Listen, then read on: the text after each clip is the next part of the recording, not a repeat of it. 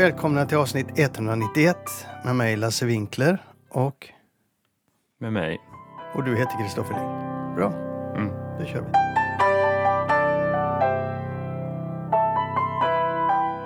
Vad ska vi ta nu då? Ska vi börja med det fjantigaste?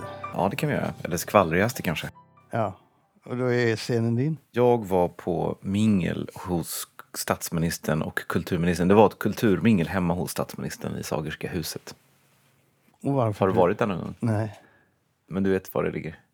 ungefär. Ja. Det är alltså statsministerbostaden som ligger mitt mot riksdagen. Mm. Jag vet faktiskt inte varför jag blev bjuden. Och eh, jag var där och det var väldigt mycket moderater såklart. Och några personer från, från bokbranschen men väldigt lite Vilka var det förutom du? Det var Tobias Nilsén, Jessica Babs Bonde, så agenten. Och så var det Olle Grundin från Mondial. Så var Abbe Bonnier där också. Det, man skulle kunna säga att det var den kommande generationen, men det kan man inte säga då. Vem var det från Bonnier? Abbe, Abbe Bonnier var det. Aha. Nej, jag vet inte riktigt hur de hade gjort inbjudningslistan. Tobias Nilsson och vi pratade om det också, att det, det var som en lite märklig, alltså de har väl liksom bara bjudit lite på måfå gissar jag. Men det var ju ett eh, mingel där kulturarbetarna lyste med sin frånvaro. Det var inte en enda författare där som jag kunde hitta. Inte en enda konstnär. En skådespelare där var Johan Rabaeus. Det är märkligt hur de väljer den där. Ja, ja det är märkligt. Ja. Hände det något då? Du skulle vara skvallrig? Statsministern höll ett tal där han bland annat lyfte fram att just böcker, att läsa och läsning och böcker, det var hans främsta kulturpassion. Jag tror verkligen att det stämmer. Han var väldigt trevlig för övrigt.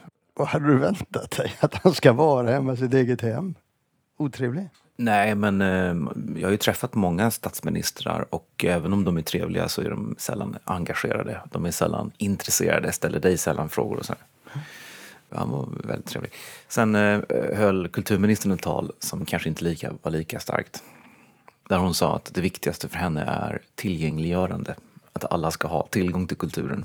Och så berättade hon en eh, rolig historia om någon kompis till henne som var med i ett frågesportprogram. Och där var frågan, vad dansar herr Gurka? Och då så visste han inte det för han var uppvuxen i Iran. Och då hade han, det var något sånt där frågesportprogram där man kunde ha en hjälplina, man kunde ringa en person. Och då så eh, visste ju den här personen då att det var att herr Gurka dansade vals och mazurka. Och då så knöt han ihop påsen genom att säga att det är just den där typen av liksom, kulturella hinder som hon vill liksom, rasera och bygga ner och sådär. Och jag tyckte, Va? ja, liksom, det var liksom lite andemeningen, eller liksom kontentan av, att, av hennes resonemang då, att hon vill liksom tillgängliggöra. Jag tycker hon missade en väldigt viktig poäng därför att referenser behöver inte vara fel i sig. Och att man kan referera till en barnboksfigur om man är uppvuxen i Sverige i en viss generation, det betyder inte att man har hinder för tillgängliggörande så att säga. Eh, Det är någonting annat än hinder som kommer av klass eller någonting annat. Ja. Men eh, ja, jag vet inte. Jag, jag, tyckte det var lite svagt. Men hon, jag har hört henne tala tidigare om kultur där hon liksom likställer kulturen med sin egen försvenskning. Eller liksom, det, det är en aspekt av, av kultur, men det kanske inte är kulturpolitik. Nej. Mm. Du, så du var besviken, eller? Ja, jag var lite besviken. Jag tyckte det var en lite svag uppställning av... Eh, det var mycket konsulter, mycket moderater och sådär. Ja. Ja, ja, du fick offra några timmar. Ja, Och var så fick du se Sagerska palatset. En annan tanke apropå det här med, med tillgängliggörande och sånt. Det är ju att vi har ju talat mycket om mångfald i podden och så vidare. Och tillgängliggörande av kulturen är ju naturligtvis en oerhört angelägen sak när man har med skattemedel att göra. Men jag börjar bli lite trött på det. Det är ungefär som att kulturen om man tittar på den socialdemokratiska kulturpolitiken för, som var så framgångsrik på 70 och 80-talet så var den ju otroligt elitistisk. Alltså man instiftade konstnärslöner, författarpenning, översättarpenning och så vidare. Man ville ha den bästa kulturen. Man tillät sig att lägga pengar på de bästa och så vidare. Liksom om man hela tiden ställer sig frågan tillgängliggörande så tappar man ju en väldigt viktig del av, av kulturen. För att kulturen måste få kunna finnas i sin egen rätt. Det är lite som bildning och folkbildning. Eller forskning och att nå ut med forskning. Forskningen kan vara viktig även om du inte når ut med den. Så att säga. Men om man hela tiden ska liksom sätta det här tillgängliggörandet i, i centrum så kan man egentligen kan man stänga ner ganska mycket kultur. Förstår du min poäng? Mm. Att jag kan bli trött på det där att man hela tiden ska ta de tillgängliggörande, även om det är en angelägen sak. Allt detta efter en drink hos statsministern. Mm. Eller tre, två eller tre. För övrigt, en, en rolig sak var att det var samma serveringspersonal som på våran julfest. Samma firma? Så jag vet inte om det var samma firma och samma Det är personal. kanske de som har rekommenderat dig till statsminister? Superproffs helt enkelt. Och sen så en annan rolig sak då att när jag kom så sa de så här, ah, du kan hänga av det här. Och då sa han, det är en obevakad garderob, här vågar man lämna sin dator här. Och då sa han, eh, den här vakten, du kan lämna din dator där. Är det säkert? "Mm, vi är proffs. Ja, vad fan. Om du inte kan lämna din dator Sagerska palatset, vad kan du Ja, lämna ändå? vem som helst hade ju kunnat säga att det var deras dator, tänkte jag. Mm. Okej. Mm. okej. Men du, eh, fick du reda på varför du blivit bjuden? Nej, jag vet inte hur de hade bjudit liksom, men, men eh, Det skulle vara intressant Mm, att mm, veta vem som hade mm. tyckt att just du skulle vara där. jag gav statsministern en muta också. Fast det var inte tänkt som en muta, men det var någon som sa, ger du mutor? Vilken bok var det? Ja, han fick eh, de tre första titlarna i Palmserien. Klassikerserien. Ja, ja. Mm. Bara för att det skulle se lite märkvärdig ut. Nej, jag tyckte det var trevligt att ta med sig något. En bok. Ja, för en flaska whisky hade varit lite... Nej, men det går inte. Men- Nej, såklart. Du, vi går vidare. Ja,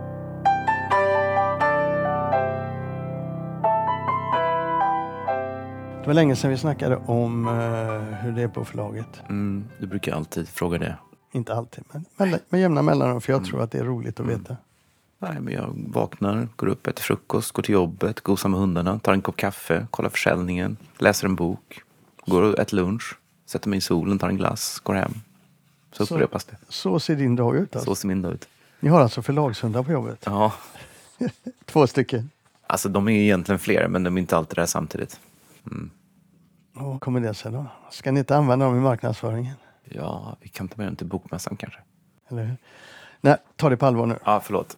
Vad händer på förlaget? Nej, men det är ju alltid en väldigt eh, hektisk tid så här års för att alla höstböcker ska bli klara före midsommar. Så det är ju väldigt stressigt för de som jobbar med produktionen och redaktionen. Planeringsmässigt så, så liksom ligger vi ju liksom nästa år, 2024, jobbar vi med ganska mycket. Vi har också några spännande saker på gång. Vi har några våra första isländska böcker som vi ska släppa. Har jag berättat det? Nej. Jo, vi har, i och med att vi gör böcker på rätt många marknader så ser vi ju, även om min huvudstrategi är att man ska ha lokalt innehåll och ditten och datten, så ser vi ju att det finns en vissa, vissa titlar som liksom lyfter på alla marknader. Så nu har vi tagit våra fem bästa titlar och ska ge ut dem på isländska. Bara som en test. Så där. Det är ju en jätteliten marknad men den är väldigt liksom, stabil och bra. Det är en av Storytels bästa marknader. Ja, jag har förstått det. Men, men det kostar ju en del att göra böckerna. Hur, hur gör ni dem? Eh, Vi har översatt dem till isländska och sen så producerar vi dem på Hur har Island. ni översatt dem? Vi har översatt dem eh, med hjälp av Nuanced. Med AI? Ja, ja alltså, vi har haft en AI-teknik i grunden och sen så har vi haft liksom, översättare och redaktörer som har gått igenom dem. Och ljudsättningen? Hur görs den? Den görs, eh, den, det är alltså en isländsk studio, inget konstigt, som vanligt. Inte AI? Nej, nej, nej, nej ja, det, vi har inte gjort, det har vi inte gjort, det håller inte ännu. Så det blir rätt dyra böcker ändå? Ja, det blir de ju eftersom de översätts. Alltså det, det är väldigt dyrt att översätta direkt till ljud. Så det, det, det, vi gör det som en test bara. Men eh, jag är ganska övertygad om att de här kommer gå bra. För de har gått bra i alla de nordiska länderna. Och eh, två av dem har gått väldigt bra i Nederländerna också. Och en av dem har precis släppts i Polen. En annan intressant testballong som jag är mer inte lika säker på kommer gå bra, men som, som ändå är liksom en, en, en testballong, vi kommer släppa fler, men det är att vi, har, vi gör lite böcker på engelska och amerikanska. Okej. Och det är, jag har ju varit sugen på att göra böcker på amerikanska för audiobooks.com, Storytels streamingtjänst. Kruxet är att den funkar ju inte som streaming. Det är ju ingen streamingtjänst. Den har ju en slags voucher, precis som Audible. Alltså du får, liksom du betalar en viss summa per månad och sen så kan du köpa en bok eller två. Och sen så finns det en pool av böcker som ett bibliotek som man kan köpa lite billigare och de har någon slags bokklubb. Mm. Och sen så har de så här veckans erbjudande, veckans deal. Men det är liksom kruxigt och trixigt och struligt och, och de har något exklusivt samarbete med något stort amerikanskt förlag. Så det där är ingen väg för oss in i USA, konstigt nog. Vi har då vi har två stycken böcker som är skrivna på engelska. Det var så som det började. Vi har två böcker som är skrivna på engelska som eh, vi har översatt till svenska. Och det är böcker som har givits ut på... Eh, den ena boken är en självpublicerande bok, självpublicerad bok och den andra boken är utgiven på ett jättelitet förlag. Och vi har översatt dem till svenska och danska och finska och de har gått jättebra. Det finns en svensk koppling i de här böckerna och det var så vi upptäckte dem. Den ena boken är skriven av Andrea Hunter och den andra boken är skriven av Clive James. De, eh, de handlar om att båda kvinnorna var gifta med en man som sen var ihop med någon annan och den andra var de andra två. Så de har liksom skrivit varsin bok oberoende av varandra. Om samma relation? Om samma relation. Va? Ja, det är jättekonstigt. Eh, Men böckerna är rätt spännande. Alltså det är så här, wow! Och de är nu kompisar. De Böckerna? Två, de här två kvinnorna, ja. Okej. Så... ehm, Är du skämtar med Nej, mig? det är sant. Det är sant. Och den ena har också barn med den här mannen. Det är en otrolig historia. Liksom. Ja. De här böckerna är då skrivna på engelska, översatta till svenska, och, men icke utgivna som ljudböcker i, i England. Så vi gör de här böckerna till ljudböcker. Vilka kanaler då? Ja, vi har inga riktigt. Men, ehm, Ja, ni har Audible? Ja, om vi nu har Audible. Men Audible finns. Sen har vi ju Storytel. Och så har vi Bookbeat. Och, alltså, vi har ju de kanaler vi har, så att säga. Men, men, men, men där är lite min tanke att det är klart att Audible för England är liksom den viktigaste kanalen såklart. Men min tanke är ju lite grann det är väldigt svårt med att distribuera titlar i streamingtjänsterna för det går inte bara att släppa vad som helst. Man måste tänka till och man ska hamna rätt i flödena och ditten och datten. Och det är väldigt svårt att bara göra några titlar och se hur det funkar. Men min tanke är lite grann att om vi kan identifiera en viss typ av böcker som vi vet funkar på flera marknader så borde liksom den andel som lyssnar på engelska vara så pass stor så att det på liksom många På alla mark- marknader alla marknader ändå kan bli en affär. Jag vet inte. Det kan också vara så att de som lyssnar på engelska på de här olika marknaderna har ett annat lyssningsbeteende. Att de kanske bara går på väldigt kända titlar. Så här. Jag har ingen aning. Men vi ska testa att göra. Det är väl fem titlar som vi ska testa att göra på engelska. Tre utav dem har det att de är skrivna på engelska, så det är liksom engelska originaltitlar. Sen är jag lite sugen på att på några av de här titlarna göra amerikanska inläsningar också. Så att det liksom blir två olika. Det är lite kul. Men Världsherravälde på gång eller? Verkligen inte, men man måste testa. Det mesta man testar funkar ju inte, men därför måste man testa så mycket som möjligt utan att det kostar så mycket. Men vad händer mer på förlaget? Mm, vi ska göra en eh, turkisk radioteater. Nej, nu skojar jag. Ja, seriöst, vad händer mer? Nej, men det händer ju mycket då. Det händer spännande saker som jag inte kan berätta om. Vad är det för Och sen så kommentar? kommer ju också upp till hösten så kommer ju också Pia och Companys första böcker. Ja, det såg jag i, i vad heter det? Höst, höstens Ja. böcker. Som börjar bli mer och mer ointressant. Alltså, I år när jag läste den så läste jag ledaren som jag tyckte var väldigt bra därför att de kommer att utveckla den. Mm. Ni förlag skiter ju i det. Att den har ett väldigt stort värde. Och det kan han ju redovisa idag. Att den har ett stort värde för de som köper böcker. eh, För olika plattformar eller som pratar om böcker. Nu gör alla som du och eh, Modernista bara sätter upp fläckar som ska vara omslag till böckerna. På en del ser man inte vad de heter. Inga sagor, alltså ingenting om böckernas innehåll. Nej. Och det är ju det som har varit det viktiga, som jag tycker är det viktiga för man ska locka folk. Mm. Fler och fler eh, tar bort dem, alltså för, för att inte betala så mycket pengar. Och, och jag tror att det är extremt fel. Där är vi Du, inte du vet överens. att du har sagt det här Tusen gånger, jag förra säger det året igen. och för förra året, Ja. året innan.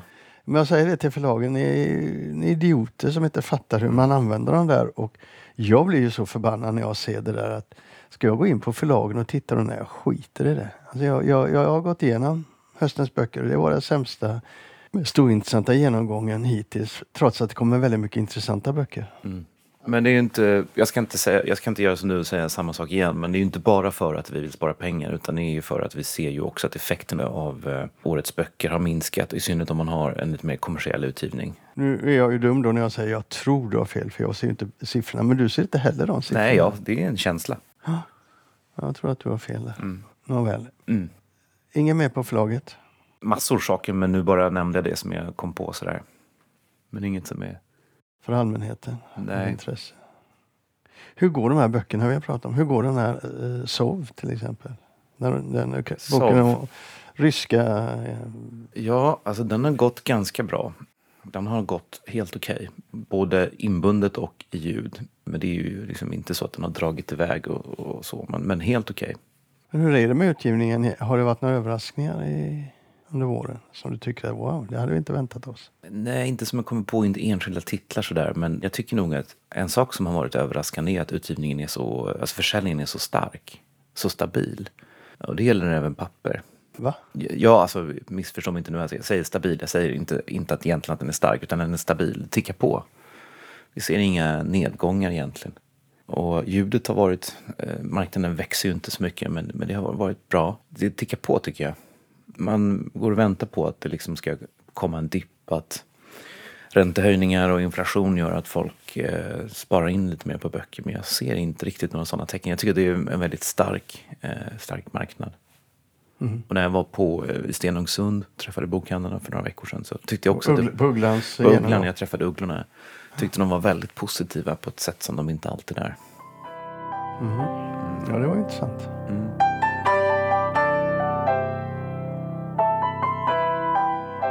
Du, eh, jag var i Norge igår. Ja, du var på deras bokbranschdag. Ja, jag var inbjuden och skulle prata om den nya boklagen som faktiskt debatteras i Stortinget as we speak. Mm. Så jag satte mig och läsa det som kallas proposition 82L med stort L. Och kom snabbt på, vad fan, har jag missat något här eller? Det visade sig sen att det hade jag, men det gällde inte själva underlaget. Är det, en om, det är en omfattande proposition? Är det? Ja, 96 sidor, men själva lagförslaget är på knappt två sidor. Och det är inte mycket att säga om. Nej. Det är förarbetena och departementets slutsummering, hur de resonerar och hur de tolkar och hur de lutar så att säga de olika sakerna. Det är där det viktiga syns. Jo, för de, våra lyssnare som inte riktigt förstår det här kan vi väl beskriva bakgrunden. Och bakgrunden är att i Norge har man haft något som man har kallat för boklov. Mm. Mm, och, bokloven har inte varit en lag utan har varit liksom en... Ja, den heter boköverenskommelse har det varit sedan Ja, ja. sedan 2013. Det är liksom parterna som har kommit överens om och det är det som reglerar liksom de fasta priserna och så vidare. Men nu vill man ha det här inne i själva lagen. Ja, man vill ha en lag helt enkelt. Och det är inte så enkelt ska du förstå när jag har pratat färdigt. Men sällan måste jag säga, sällan eller aldrig, aldrig nog mer än sällan, har läst ett sämre underlag. Alltså här finns allt. Haltande argumentation, brist på fakta, cirkelresonemang, obevisande påståenden. I många sammanhang, framförallt när det gäller allmänlitteraturen. Helt enkelt något av de sämsta redogörelserna för hur bokbranschen fungerar som jag läst. Och det är jätte Men kan du förklara vad det är man vill ha in i boklagen? Ja, man kan bara säga, alltså det är jättetydligt att de som har summerat det här har ingen aning om hur bokbranschen fungerar. Jag läste det här och så tänkte, hur ska jag presentera mig här? Jag tänkte det skulle bli ett jävla Vad, men vad var liksom din roll? Var det liksom att komma utifrån och... kritisera. Ja, alltså att värdera helt enkelt. Säga, hur ser jag, hur ser vi på eh, den norska bokbranschen? Har vi tillräckligt bra utblick över världen? Är vi isolerade? Är den här boklagen eh, fungerar det och så vidare. Alltså man vill ha en kritisk röst och det var ju framförallt Förlagspodden man bjöd in då. Jag tänkte så här, det kommer bli ett jädra liv om jag sa det här som jag sa till dig nu. Men där misstog jag mig faktiskt. Alla var artiga och trevliga. Mm. Även när jag inledde med att säga att det största med problemet med den här proppen är att den badar i kulturell sirap. Men du nitade ingen? Vad sa du? Du nitade ingen? Nej, jag nitade... Ja, jag nitar ingen. Nej, det är helt sant. Inte ens mentalt. Alltså den här är så full, och det var min första invändning. Den här lagförslaget är så fullt med massa kulturpolitik och nationell stolthet och vad ni vill. Och det läggs in tillsammans med hur lagen ska tolkas och så. Det är omöjligt att ta ett samtal om de här frågorna utan att man blir i Norge ifrågasatt om man inte tror på den norska kulturpolitiken, om man inte vill ha en boklag. Och det där är gjort väldigt medvetet. Jag sa, så kan inte ha det. Och så är det inte i andra länder, det sa jag också. Andra länder de gör till exempel så här, vi har en boklag för vi ska bevara bokhandeln och vi ska bevara titelbredden och vi ska vara så en grundpelare för kulturpolitiken. Men vi ska inte svara för all kulturpolitik och lagen ska inte svara för det. Nej. Så är det ju till exempel i Tyskland. Då. Man har ingen kulturpolitik i lagen. Men det har man här då.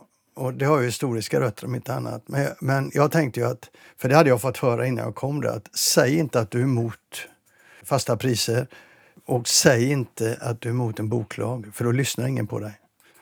Så jag markerade att jag är inte emot fasta priser och jag är inte emot en boklag. Men ändå, jag var emot så som den är konstruerad och tyckte den var jätte, jättesvårt att förstå varför man gör så här. Om det inte är så att i bakgrunden ligger en del maktförhållanden som förstärks av ett sånt här sätt att vara. Det går inte i Norge att kritisera den här boklagen. Men, men det stämmer väl? Du är väl egentligen för fasta priser, är inte det? Ja, inte som de ser ut i Norge, jag är inte det. Jag är, är nog väldigt, det där kan vi ta en annan gång. Jag har nog börjat svänga lite, men just den norska strukturen blir för tung. Det är hängslen, livrem, tvångströja, tror jag, som gör att det blir för tungt, det blir för hårt. Och i utredningen så säger man ju det, va? att man föreslår att den här kulturpolitiska lutningen ska finnas i boklagen. För om man lägger det utanför, som jag föreslår, då blir det för dyrt. Men sen påverkar det alltså debatten, det påverkar också eh, samtalet i branschen. Jag var ju väldigt kritisk på många plan. Dels till boklagen, dels till hur den tagits fram, i synnerhet hur den tagits fram. Och jag påpekar just det att här finns inte någon riktig analys, ingen framtidsspaning. Vad händer med den engelska offensiven som vi pratar så mycket om i, i podden? Och det fick jag reda på efteråt att Bokhandlarföreningen precis gjort en, en undersökning.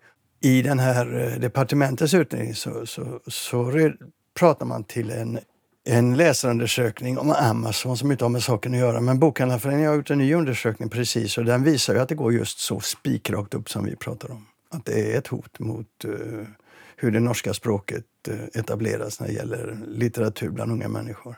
Och ingenting av den snabba teknikutvecklingen överhuvudtaget. Det var så konstigt för att man konstaterade i den här utredningen att det finns universitet som är väldigt kritiska till att man ska ha den föreslagna fastprisperioden på utbildningslitteratur på norska. Mm.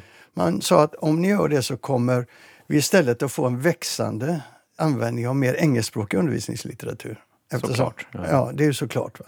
Utredningen skrev det, men reagerade överhuvudtaget inte utan gick bara vidare. Det är en av de punkter som jag sen ska eh, kort återkomma till. Men det som var mest hårresande, jag sa i, den här, i det här lagförslaget så finns det helt felaktiga påståenden. Så. Till exempel så föreslår man att det inte ska finnas någon leveransplikt på ljudböcker. Det vill säga att den som äger till exempel Kapellendam som ju äger en ljudbokplattform som de kallar Storytel. De kan neka att ta in ett annat förlags böcker enligt lag. Mm. Varför var det bra? Jo, för det skulle göra att konkurrensen bevarades. Och så tog man Spotify som exempel. Och jag sa, men detta är ju huvudlöst. Det finns ingenstans i hela världen där man drar den slutsatsen. Alla drar en helt annan slutsats, tvärtom. Och man pratar inte ens om vad det skulle innebära för lyssnarna. Vad det skulle innebära för branschen, till exempel om Kapel som har 60 av marknaden, om de skulle liksom bara ta egna författare, som ju de delvis gör när det gäller barnböcker, så skulle de ju sen kunna gå till konkurrerande förlagsförfattare och säga kom till oss så får du sälja mycket mer. Vi har en ljudboksplattform som inte de har. Mm. Så det skulle vara uh, fasansfullt. Ja, verkligen. Och så frågar jag ju då, alltså ni tittar på Spotify. Men Spotify är ju en världsmarknad. De, de, där finns det ett underlag för att kunna gå med eget, men det gör ju i och för sig inte Spotify. Va? Men Netflix, de kan gå med eget för de har en världsmarknad. Men lilla Norge som kanske har 200 000 ljudboksfantaster eller mer sen, skulle ju inte kunna härbärgera ljudboksutveckling där var och en hade sitt eget innehåll. Det finns inte ekonomi i det. Nej. Och det här fattar alltså inte regeringen, det här fattar inte departementet och det här fattar inte, som jag strax ska komma till, nationalbibliotekarien. Och jag hånar detta rejält. Inte så, jag var inte lika våldsam som jag var i förra podden, men jag var rätt eh, irriterad får jag säga. Jag tyckte det här var intellektuellt totalt undermåligt. Och det var också en väldigt tydlig sak som jag såg när jag läste det här. Alltså, utredarna hade ingen koll på som helst på omvärlden. Det fanns ingen reflektion. Man lånade argument som om liksom, vi tar det här, det fungerar bra, och så tar vi det här. Mm. Men den som kan branschen vet ju att, men vänta lite, det där är inte centrala argument, det där är inte centrala exempel. Och det där är fakta som är överspelade. Sånt förstod de inte ens. Och här sitter jag då och tror att jag är jätteprovokativ. Ingen blev förbannad. Alla var glada och trevliga och kände jag är ju mest underhållning i det här sammanhanget. Eller jag förstod det sen. Men jag pratade väldigt mycket med branschmänniskor före och efter mitt framträdande och då var då jag förstod vad jag hade missat. Det fanns, visade sig, och finns en bred uppfattning att utredningen och underlaget är relativt eh, värdelöst. Jag fick klart för mig då att ministern, ansvarig ministern som är eh, från Arbeiderpartiet, ville ha en snabb utredning och få igenom lagen innan det som hände 2013 då man gjorde en boklagsutredning. Och sen så bytte man ju precis regering så den la sig bara till, till handlingarna. Mm. Så hon eller han vill alltså väldigt snabbt få igenom lagen så ingen kan liksom ta bort den. Så hon utsåg i höstas nationalbibliotekarien Aslak Sira Myhre som utredare. Och han gjorde grundarbetet och pratade runt i branschen. Men det var ett hastverk. Han förstod inte heller vad han eh, använde. Eller så gjorde han inga slutsatser, drog inga slutsatser. Lämnade bara en massa material som inte var värderat till eh, departementet som satte till två människor eller tre människor. För det är fler som har skrivit. De pratar mot varandra på en del ställen. Som inte fattar bokbranschen, inte förstår vad det är de skriver och det är löjeväckande ibland. Men det viktiga var också för de som sa detta. Förläggarföreningen till exempel har kritiserat saker i det här eh, lagförslaget. Centrala, viktiga saker som inte man har tagit hänsyn till. Men man tycker att det viktiga är att man får en boklag som man accepterar uppenbarligen. Den här hanteringen som jag tycker är demokratiskt tveksam. Alltså. Nåväl, då, när jag sitter med det här så kommer ett utspel från kulturutskottet i, i Stortinget i sex punkter så kritiserar de utredningen kort och kräver, eh, alltså de får bakläxa. De eh, ifrågasätter givetvis det som jag sa om leveransplikt. Det ska vara leveransplikt. Du ska inte kunna neka att ta in ljudböcker från ett annat förlag utan du måste ha det. Och du eh, måste titta på de här frågorna när det gäller utbildningen och det engelska språkets utveckling. Och så. Mm. Sex olika punkter, en del av handlar om läromedel och sånt. Och jag trodde ju att det skulle stoppa utredningen och få dem att liksom att vänta, vi får göra bättre. Vi får återremittera det här till, eh, till departementet. Det trodde ingen annan. Man tar beslutet och så lägger man till de här grejerna efteråt. Och det gör mig lite mörkare måste jag säga. I alla fall en sån som jag som gillar bokbranschen. Som tycker den är viktig på riktigt. Mm. Nu kan du fråga vad du vill. Nu har jag fått ur mig. Det sitter fortfarande. Nej, men jag vet inte. Jag, jag blir alldeles matt. Men eh, jag tror att eh, alla är alldeles matta. Det var uttömmande och intressant. men, kom, men, men kommer liksom, när trädde nya boklagen i kraft? Jag vet inte, relativt snart alltså, tror jag. jag de, de kör ju det nu, jag, så jag ska följa det, vad som händer just nu. Jag hoppas ju att de återremitterar den, att någon eh, med lite tyngd bakom sig säger men det här är ju kejsarens nya kläder, gå hem och gör om för helsike. Ta branschen på allvar. Ställ frågorna om vad som är utmanande just nu. Vad är det vi står inför? Vad är det vi ska titta på? Vad är det vi ska skydda? Vad ska vi göra med kulturpolitiken? Ska den ligga här som en fet klump i boklagen och liksom värdera in varenda samtal i att du kritiserar boklagen, då är du emot eh, Norge som nation, du är emot Norge som kulturnation och du är framförallt emot en modern kulturpolitik. Är Norge en kulturnation? Vad sa du? Nu blev det tyst. Det var, ja, det var en ironisk fråga. Jag förstod det. Jag förstod det. Ja, alltså, där har det var en ironisk fråga. Ja, alltså, jag trivs sällan så bra som det är i Norge. Ja, det är en kulturnation och mm. människorna i bokbranschen är jättespännande. Mm. Vi behöver inte vara överens om de här frågorna, men här var det ju politik uppenbarligen. Här var det ju inte så noga med fakta. Nu blir de sura på mig. Jag sa förut det till många jag kände där när jag kom. Att ja, jag är ledsen men nu kommer ni bli sura på mig. De bara skrattade efteråt. Det hade jag för, att, för, att, för att skingra eventuella frågetecken så jag tycker att Norge, jag gillar inte norsk kulturpolitik men jag gillar norsk kultur och man, det finns ju fantastiskt mycket bra, många bra norska författare och det skrivs jättemycket bra norsk litteratur. Ja. Så det, med tanke på vilket litet land det är så är det ju ett väldigt rikt kulturutbud. Och det är det väl man, man vill eh, behålla såklart. Det, ja, ja, men tack för den där redogörelsen. Ja, det var Norge. Vi lär återkomma. Sedan vi spelade in det här inslaget så har det norska stortinget klubbat igenom förslaget till en ny boklag med röstsiffrorna 66 mot 34. Och tanken är då att den ska implementeras den 1 januari 2024. Men de här tveksamheterna och de här invändningarna som jag tog upp i det tidigare inslaget ligger kvar och ska behandlas. Så ingen vet om det blir den 1 januari. Det beror på hur ivriga de är att få igenom lagen till varje pris, antar jag.